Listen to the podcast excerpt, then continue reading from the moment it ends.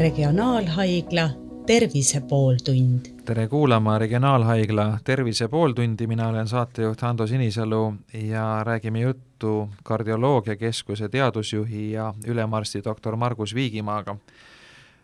tänane teema on treenimine ja süda ja ületreenimine eelkõige, sest äh, kuigi neid juhtumeid ei ole väga palju, aga meediasse on nad alati saanud väga palju tähelepanu, kui muidu äh, pealtnäha terve ja sportlik inimene sporti tehes äkki äh, kokku variseb ja äh, mõnel halvemal juhul ka äh, saab, sureb seal võistlusel või treeningul ära ja see tundub väga hirmutav, sest need inimesed enamasti ei ole, neil ei ole eriti kaebusi olnud, nad on pealtnäha täiesti terved ja siis selline asi juhtub. et kui nüüd sportlik inimene treenib siis mis on need märgid, mida ta peaks arvestama, kust, kust maalt alates võib asi minna ohtlikuks, et et eriti, kui on saavutusspordiga tegemist, siis ju on, käib asja juurde see, et tuleb neid piire kogu aeg nihutada ja inimene peab ennast ületama ja nii edasi, aga aga ilmselt ühel hetkel on siis see koht, kus, kus enam see piiri nihutamine või enese ületamine ei ole, ei ole hea ja võib, võib saada elule ohtlikuks, et kuidas sellest aru saada jah, et kui me räägime tervisest, et siis äh, ei pea üldse üle pingutama, et äh, süda tahaks sellist mõõdukat koormust ja veresoonet samuti. ja tõesti on tekkinud äh, selline situatsioon, et, et äh, sageli need harrastussportlased treenivad juba, juba niisama intensiivselt kui, kui, kui päris tippsportlased ja tahetakse kogu aeg ikkagi neid piire nihutada, ühelt poolt on see arusaadav, ma saan neist inimestest aru, aga siin ei ole enam midagi tegemist nagu nagu tervise tugevdamisega, vaid pigem on see just selle piiri otsimine, et äkki süda ei pea enam vastu või, või juhtub mingi muu äh, äpardus. et äh, piisab sellest, kui me tegeleme sellise mõõduka intensiivsusega tervisetreeninguga ja me saavutame seitsekümmend, kaheksakümmend protsenti sellest edust, mis me kehalise tegevusega üldse võime saavutada. mis tähendab seda, et see kolmkümmend minutit päevas, see peaks väga regulaarne, reipat kõndi kolmkümmend minutit päevas, pluss kaks korda nädalas vähemalt siis selline nelikümmend viis minutit, tund aega intensiivsem treening, see võib olla ka kaks tundi mõnel juhul, kui inimene on hea treenituse juures. ja, ja see peaks olema siis selline, mis võtab no ikkagi nagu siis higi lahti ja ja, ja, ja võtab ka väikese hingelduse. nii et, et vot selliste mm, treeningutega on selline baasedu saavutatud ja, ja me ei peaks mitte midagi rohkemat tegema aga nüüd need inimesed, kes ikkagi tahavad, kes, kes saavad sellest äh, mingi vajaliku äh, emotsiooni või, või rahulduse, et nad äh, saavutusspordiga tegelevad, oletame, et, äh, et keegi soovib joosta maratoni või, või, või, või osaleda triatlonil või mõnel muul sarnasel üritusel, et, äh, et kuidas ta seal nüüd selles võistluse olukorras peaks aru saama, et, et nüüd enam edasi ei tohiks pingutada, et nüüd on asi läinud üle piiri ega jah, need emotsioonid kontrollivad inimest väga palju ja kui me noh, päris tippsportlasi vaatame, on ju palju neid, kes äh, suudavad ennast täiesti nagu nii-öelda pildituks joosta või, või suusatada ja suudavad endast kõik võtta. Ja äh, kui selline inimene nüüd äh, on hilisemas elus on ta siis viiskümmend, kuuskümmend ja, ja teeb edasi, et ega see muster kipub nagu korduma, et väga raske on ennast hoida natukene tagasi. nii et minu soovitus on alati olnud, et, et üle viiekümne, eriti mehed, ei ole väga mõtet riskida oma tervisega, et et sellist midagi väga ekstreemset teha. aga e, ma kindlasti, tegelikult ma hindan neid inimesi ja kui on regulaarne treening taga ja kui inimesed tegelikult on,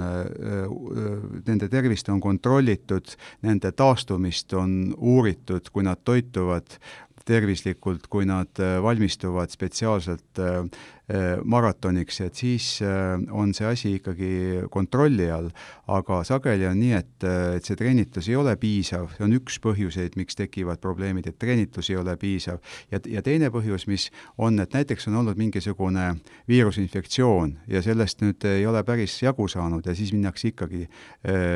siis sellist noh, pikka sooritust tegema, millega eelnevalt on nagu hakkama saadud, aga see viirus võib tegelikult vahel väga-väga hullusti kätte maksta ja seal võib tekkida südamekahjustus pikkadeks aastateks, et mul on neid patsiente päris kohe mitmeid olnud. või siis, et kui tekivad ikkagi sellised noh, ilmselgelt Äh, ülepingutuse tunnus, et äh, inimene ei jõua enam joosta, noh, püüab kõndida vahepeal, hakkab jälle uuesti jooksma ja, ja jõuab ikkagi finišisse ära, aga lähematel aastatel on väga raske osaleda erinevatel sellistel rahvaspordiüritustel, nii et, et kuskilt seda sisemist, seda organismi häält peab ikkagi kuulama aga eks see olegi väga individuaalne. ja muidugi tervisekontroll, mul on väga hea meel, et Eestis on nüüd noorsportlaste tervisekontroll, need, kes äh, nii-öelda koolis äh, rohkem spordivad, et nendele on tagatud selline no ütleme ähm, ikkagi äh, regulaarne jälgimine ja e, piisab ka sellest, et näiteks, e, et tehakse koormustesti ja vaadatakse selliseid e, südametegevuse südamerütmihäirete kaasasündinud sellised kõige raskemad variandid on sellega välja lülitatud, et need sportlased, need inimesed ei saaks nagu hakata tippspordiga tegelema ja just sellise maratoni tingimustes, et need äkksurmad ka, mis tekivad, et sageli on mineraalide eh, puudusega seal tegemist, sageli on tegemist veepuudusega, nii et organism on väga kurnatud, et sellised eh, äkksurmad ei oleks no, muidu kindlasti tekkinud, kui see inimene ei oleks ennast nagunii nagu tühjaks äh, siis kas suuskadega sõitnud või, või, või jooksnud, nii et, et alati tuleb seda piiri tunda ja, ja kordan veel, et, et tervisesport on kõige parem asi, on näidatud äh, väga paljude uuringutega, et midagi paremat tervise heaks kui regulaarne selline mõõdukas aeroobne kehaline koormus ei ole, aga kui ta läheb ülepiiriliseks, siis äh, riskid ka sellega kaasnevad et võistlussport sinna alla ei kuulu, et tegelikult äh, maratonijooks, äh, see enam praegu teie jutu järgi ei kvalifitseeru tervisespordi alla? no kui me vaatame tippsportlaste eluiga näiteks, ma ei räägi siin sumodest, kes on eriti tuntud sellega, et neil ei ole pikk eluiga, siis ega, ega üldjuhul see ei ole väga pikk. On väga häid näiteid, et kes jätkavad pärast aktiivset võistlusperioodi ja teevad sellist regulaarset tervisesporti edasi ja võivad olla väga tervislikud, aga väga palju on ka vastupidiseid näiteid. paljudel tippsportlastel kujunevad välja südame vasaku vatsakese ülekoormuse ja hüpertroofia või paksenemise nähud, mis hiljem on jällegi väga Eh, selles mõttes eh, ohtlikud, et eh, süda nõuab tegelikult inimese hilisemas elus rohkem verd ja neil võivad tekkida, see hapnikukonflikt tekib varem. samuti paljudel sportlastel tekib hilisemas elus aeglase südametegevuse tõttu südamestimulaatori vajadus. nii et tippsport on üldse üks keeruline, keeruline selline eluviis, võiks öelda osad inimesed taluvad seda väga hästi ja nende kõige, tavaliselt kõige paremate tulemustega sportlaste hulgas on just need, kelle süda on hästi valmis suuri koormusi kandma. aga sinna mitte päris tippu jõudnute hulgas on, on siiski palju neid, kes, kes hambad ristis tahavad sinna jõuda ja pingutavad oma südame üle kui nüüd keskealine inimene, ütleme kuskil neljakümnendates või viiekümnendates aastates isegi, ei ole füüsiliselt eriti aktiivne enne olnud, aga siis tervis annab märku, ma ei tea, kas vererõhk või, või midagi muud ja ta on otsustanud elustiili muuta, hakata treenima. Ja, ja väga sageli me näeme selliseid inimesi ka siis noh, väga niimoodi entusiastlikult igasugustele võistlustele minemas, et et mis see soovitus seal on, et, et, et kuidas seda noh, ütleme nullist või, või peaaegu nullist füüsilise koormuse mõttes alustades nüüd edasi minna, et, et millise intensiivsusega, kui, kui ägedalt?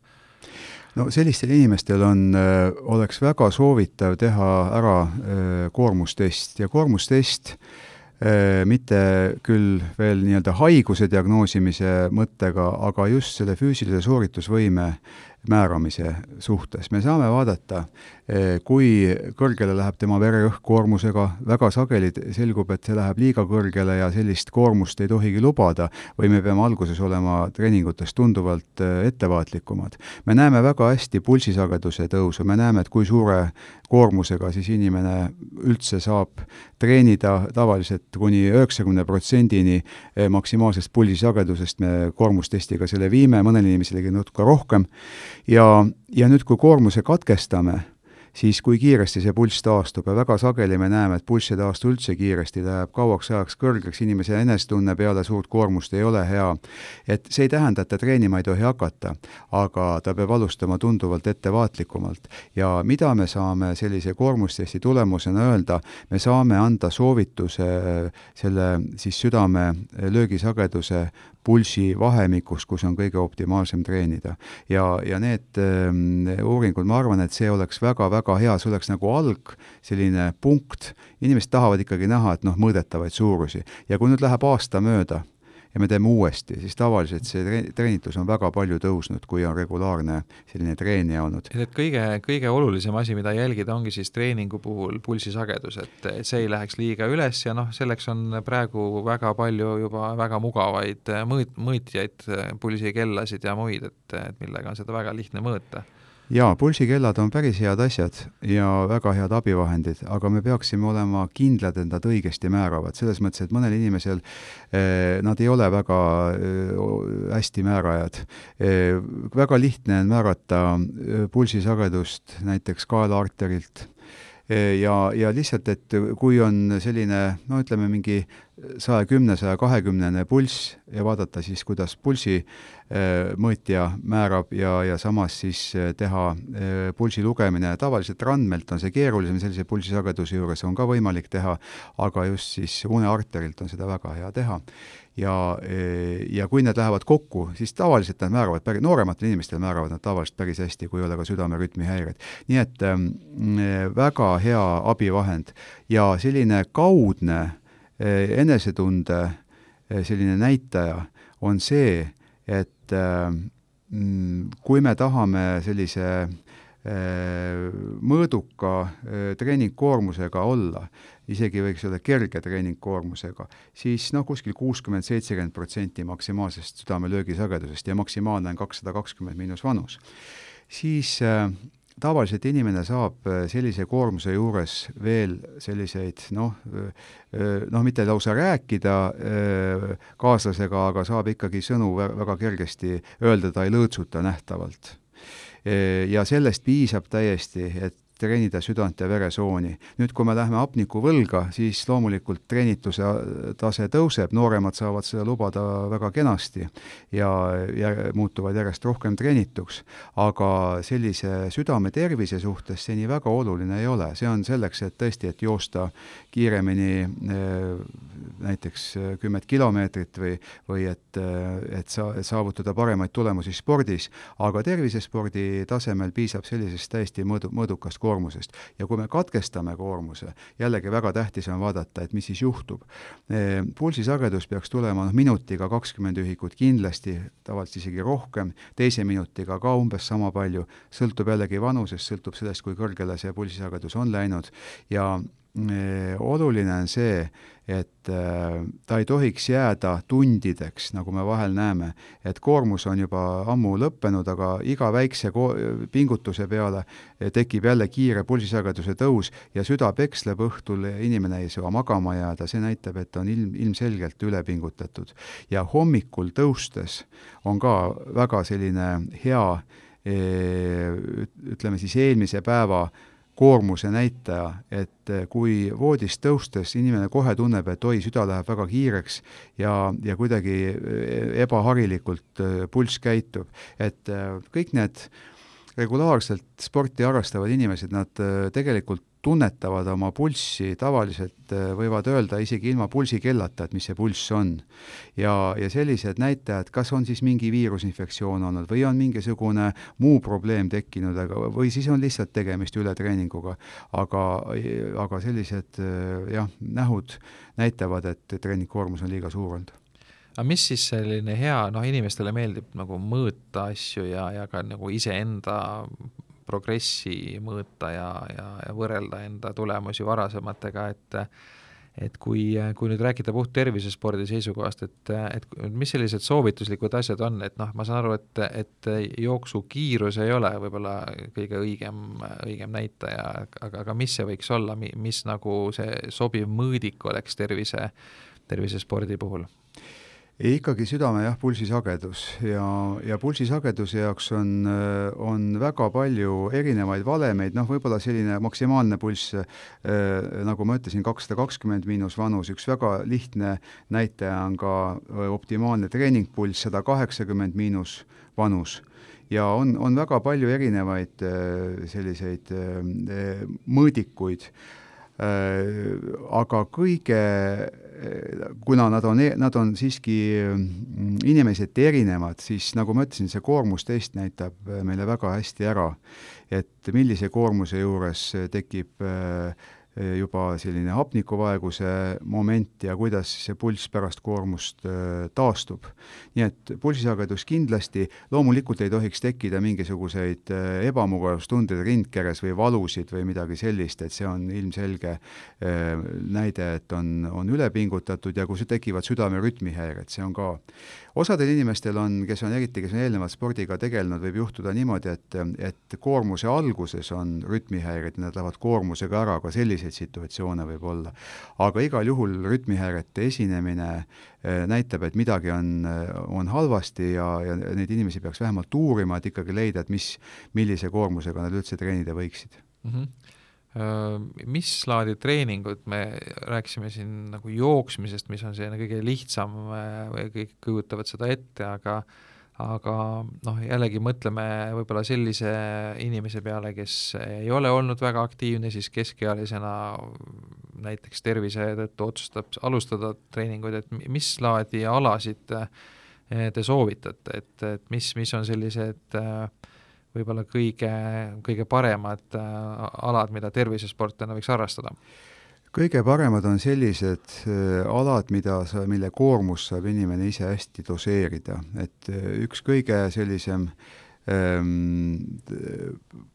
kättesaadavam on kiirkõnd, tundub lihtne asi, aga kui kõndida piisavalt kiiresti, saab päris päris hea koormuse kätte. kui nüüd on treenitus natukene parem, siis sörkjooks. aga noh, paljudele tundub see natukene nagu võib-olla igav, aga looduses seda tehes äh, ikkagi see enesetunne, mis sellest tekib, on tohutult hea. jalgrattasõit jällegi väga hea, inimene saab ise koormust doseerida ja justkui on tegemist jo jooksmisega, kui on äh, kõrgem kehakaal, siis äh, väga sageli just, just eriti põlveliigesed ja, ja ka hüppeliigesed kipuvad äh, tekitama probleeme probleeme, siis jalgrattasõiduga on see tunduvalt eh, nii-öelda noh, saab, saab, saab saavutada päris suuri koormuseid ja liigeseid liigselt koormamata. no ujumine on tohutult hea ala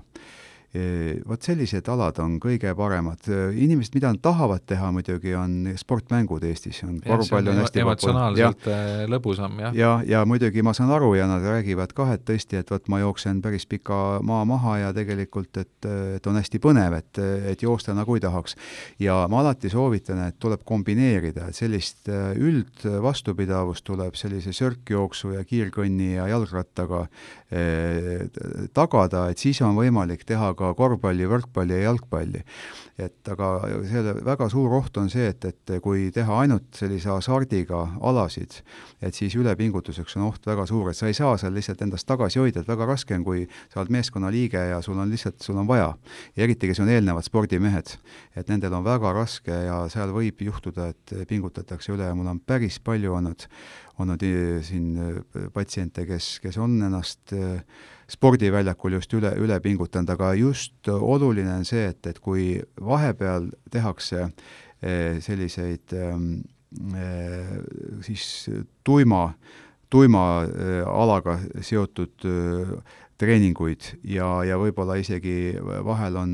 on ju väga hea ka jõusaalis käia, et üldiselt lihaseid äh, tugevdada. et kõik alad kipuvad jääma natuke ühekülgseks, noh, mina mängin tennist näiteks ka, ma, ma tunnetan, et see, äh, mulle väga meeldib see mäng ja ta on väga emotsionaalne, aga ikkagi seal on ka, äh, vahepeal läheb pulss väga kiireks, siis tekivad jälle sellised pausid, kus pulss ei ole nagu piisavalt kiire. Eh, siis eh, väga suured koormused on liigestele, nii et eh, kui me sellist, sellist üldtreeningut ei tee ja tee, ja teeme ainult mingit väga spetsiifilist ala, et siis need vigastused on kerged tulema ja lõpuks me võime ka südant üle pingutada. kui kuivõrd kvalifitseeruvad tervisespordiks näiteks sellised asjad nagu selline õues askeldamine, aiandus, maja ümber tegutsemine, et noh, tegelikult äh, need, kellel on majad või, või su-, suvekodud äh, tihti päev otsa seal tegutsedes, on ikkagi, õhtuks on võhm väljas, et tegelikult päris väsitav, aga kuivõrd see nagu sellise ter-, tervisespordina kvalifitseerub? Ta tegelikult kvalifitseerub küll, eks kõik sõltub muidugi intensiivsusest, aga kui ikkagi inimene on sellise intensiivsusega päev aega väljas värske õhu käes tegutsenud, et ta õhtul väsinud on, siis see kindlasti tervisele ainult hea. ja ma väga palju näen sellist Äh,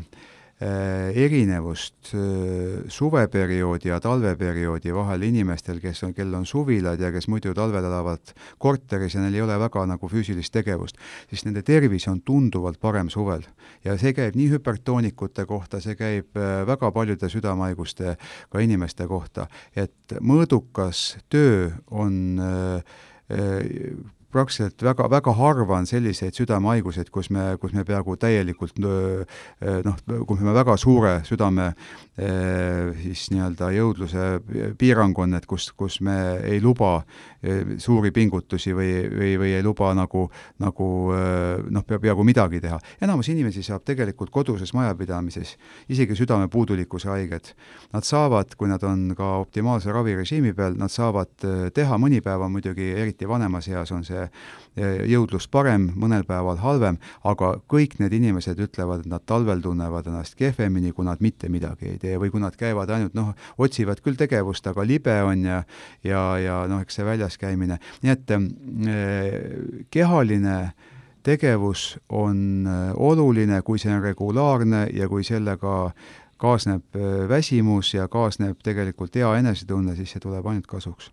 samas selliste kodutööde puhul noh, kui, kui te enne mainisite, et see pulsisagedus ikkagi peaks olema kõrgem tavalisest, et noh, väga sageli seal see pulss üles ei lähe, et ta nagu, nagu mhm. selles mõttes ja. veresooni ei treeni siis. jaa, seal on nii, et, et, et on, seda on päris palju uuritud ka, et on olemas kahte liiki koormuseid et madala intensiivsusega koormused ja siis kõrge intensiivsusega koormused. ja sinna madala intensiivsuse koormuse alla läheb ka selline siis kolmkümmend minutit jalutust tegelikult ja siis kõrge intensiivsusega on see, kui et vähemalt kaks korda nädalas peaks inimene midagi nagu tõsisemalt tegema, eks ole. aga, aga kui nüüd äh, ta päev aega askeldab ja saavutab enam-vähem see noh, selline, et peaaegu sellise intensiivsusega, nagu ta kiir, kiire, kiirema nii-öelda äh, äh, reipa kõnnakuga saavutab, et siis nende tundidega, tundidega ta kindlasti selle kolmekümne minuti reipa kõnnaku sellise madala intensiivsuse koormuse kätte saab. ja no kui me võtame sellised spordialad ka nagu näiteks golf, siis seal on ju ka päris, ajavahemikud on päris pikad ja pulsisagedus ei lähe väga kõrgeks. ja on leitud väga palju positiivseid tervise selliseid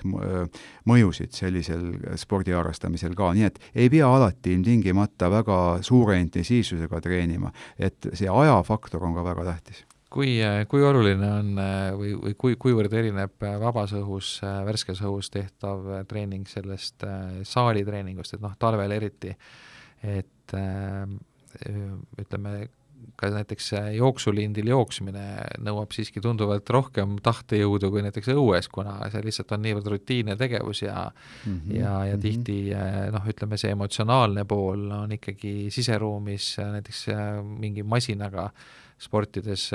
seal emo-, emotsioone on tunduvalt vähem kui, kui ikkagi vabas looduses. jah, täitsa õige liikudes. ja, ja, ja raskem on ka neid nii-öelda vahemaid ja kilomeetreid saavutada. ja eks see selline positiivne emotsioon on inimesele ka väga-väga tähtis, et eh, väga palju ka südamehaigustes, aga üldse erinevates haigustes, mis inimesi tabavad, on ikkagi närvisüsteemi osa ja kui see närvisüsteem on koormuse all, siis äh, tekivad haigused ja tunduvalt kergemini ja vastupanuvõime on tunduvalt väiksem. ja just sellises looduses tehtav füüsiline selline näiteks sörkjooks kuskil metsa, metsarajal on, on kõige parem äh, variant, et, et siis sellega saab endast välja lülitada tegelikult äh, mõned ei suuda ka siis, aga üldiselt ikkagi tavaliselt inimene suudab ennast eh, lülitada töömõtetest välja ja, ja samas eh, see eh, osoon, mis seal, mis seal terviserajal on ja, ja see annab väga palju juurde. aga kui seda ei ole võimalik, meie kliimas kahjuks on neid vihmaseid päevi ja, ja, ja libedaid päevi ja tuisuseid päevi ja mis muidugi ei ole nüüd sada protsenti takistus, aga ikkagi suur takistus, siis eks me peame siis vahel ka spordihalliga leppima. aitäh, stuudios oli Regionaalhaigla kardioloogiakeskuse teadusjuht ja ülemarst Margus Viigimaa. regionaalhaigla Tervise pooltund